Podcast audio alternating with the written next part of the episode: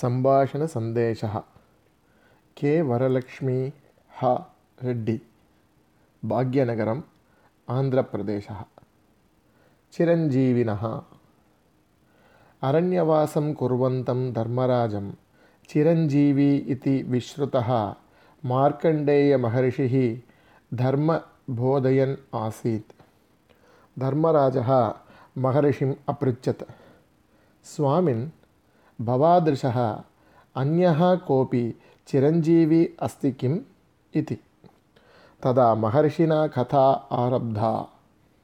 प्राचीने काले इन्द्रद्युम्नः नाम राजा भूलोकं पालयति स्म। सः दानशीलः धर्मपुरुषः राजऋषिः च। मरणानन्तरम् इन्द्रद्युम्नः स्वर्गं गतः संवत्सराः अतीताः। महाराजेन अर्जितं पुण्यकर्मफलं क्षयं गतम् इति कारणेन सः पुनः भूलोकं प्रति प्रेषितः मध्ये मार्गम् इन्द्रद्युम्नमहाराजेन मार्कण्डेयमहर्षिः दृष्टः महाराजः चिरञ्जीविनं तम् अपृच्छत् स्वामिन् भवान् माम् अभिजानाति किम्? मार्कण्डेयमहर्षिणा प्रोक्तं न इति। इन्द्रद्युम्नः पुनः अपृच्छत्। स्वामिन् भवतः पूर्वं जातः कोऽपि प्राणी इतोपि जीवति किम्?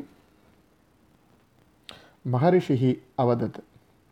हिमालयपर्वतप्रान्ते प्रवारकर्णः नाम उलूकः अस्ति। सः मत्तः पूर्वमेव जातः। इन्द्रद्युम्नः महर्षिणा सह हिमालयं गतः।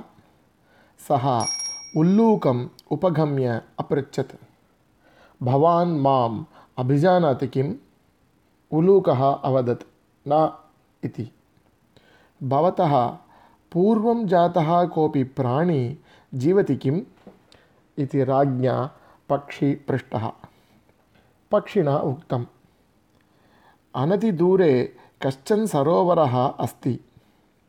सः सरोवरः इन्द्रद्युम्नसरोवरः इति निदिर्श्यते तस्मिन् सरोवरे नाडीजङ्गः नाम कूर्मः वर्तते। सः मत्तः पूर्वमेव जातः।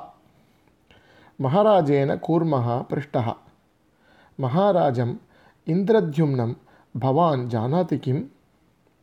बकः तत् श्रुत्वा अश्रूणि मुञ्चन् अवदत्। आर्य इन्द्रद्युम्नमहाराजः सहस्रं यज्ञान् कृत्वा सहस्रं यूपस्तम्भान् आरोपितवान्। तेन महाराजेन असख्याः गावः दानरूपेव प्रदत्ताः।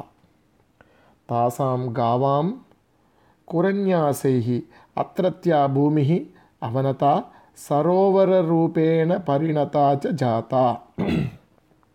අයම් සරෝවරහා ඒව මාදරශානම් ප්‍රාණිනම් ආශ්‍රයදාතා අභූත්. ඒතත් සර්වම් ඉන්ද්‍රද්‍යුම්න මහරාජස්ය පුණ්‍යකර්ම ඵලම් ඉති ඉන්ද්‍රද්‍යුම්න මහරාජහ ඉතෝපි කීර්ත්‍යතේ ඉති කාරණතහ දේවාහ භුවම් अवतीर्य इन्द्रद्युम्नमहाराजं स्वर्गं प्रति नीतवन्तः। राजा इन्द्रद्युम्नः मत्तः अपि श्रेष्ठः चिरञ्जीवी अस्माकं कीर्तिः भूलोके यावत् स्मर्यते तावत् वयं स्वर्गवासम् अनुभोक्तुं शक्नुमः।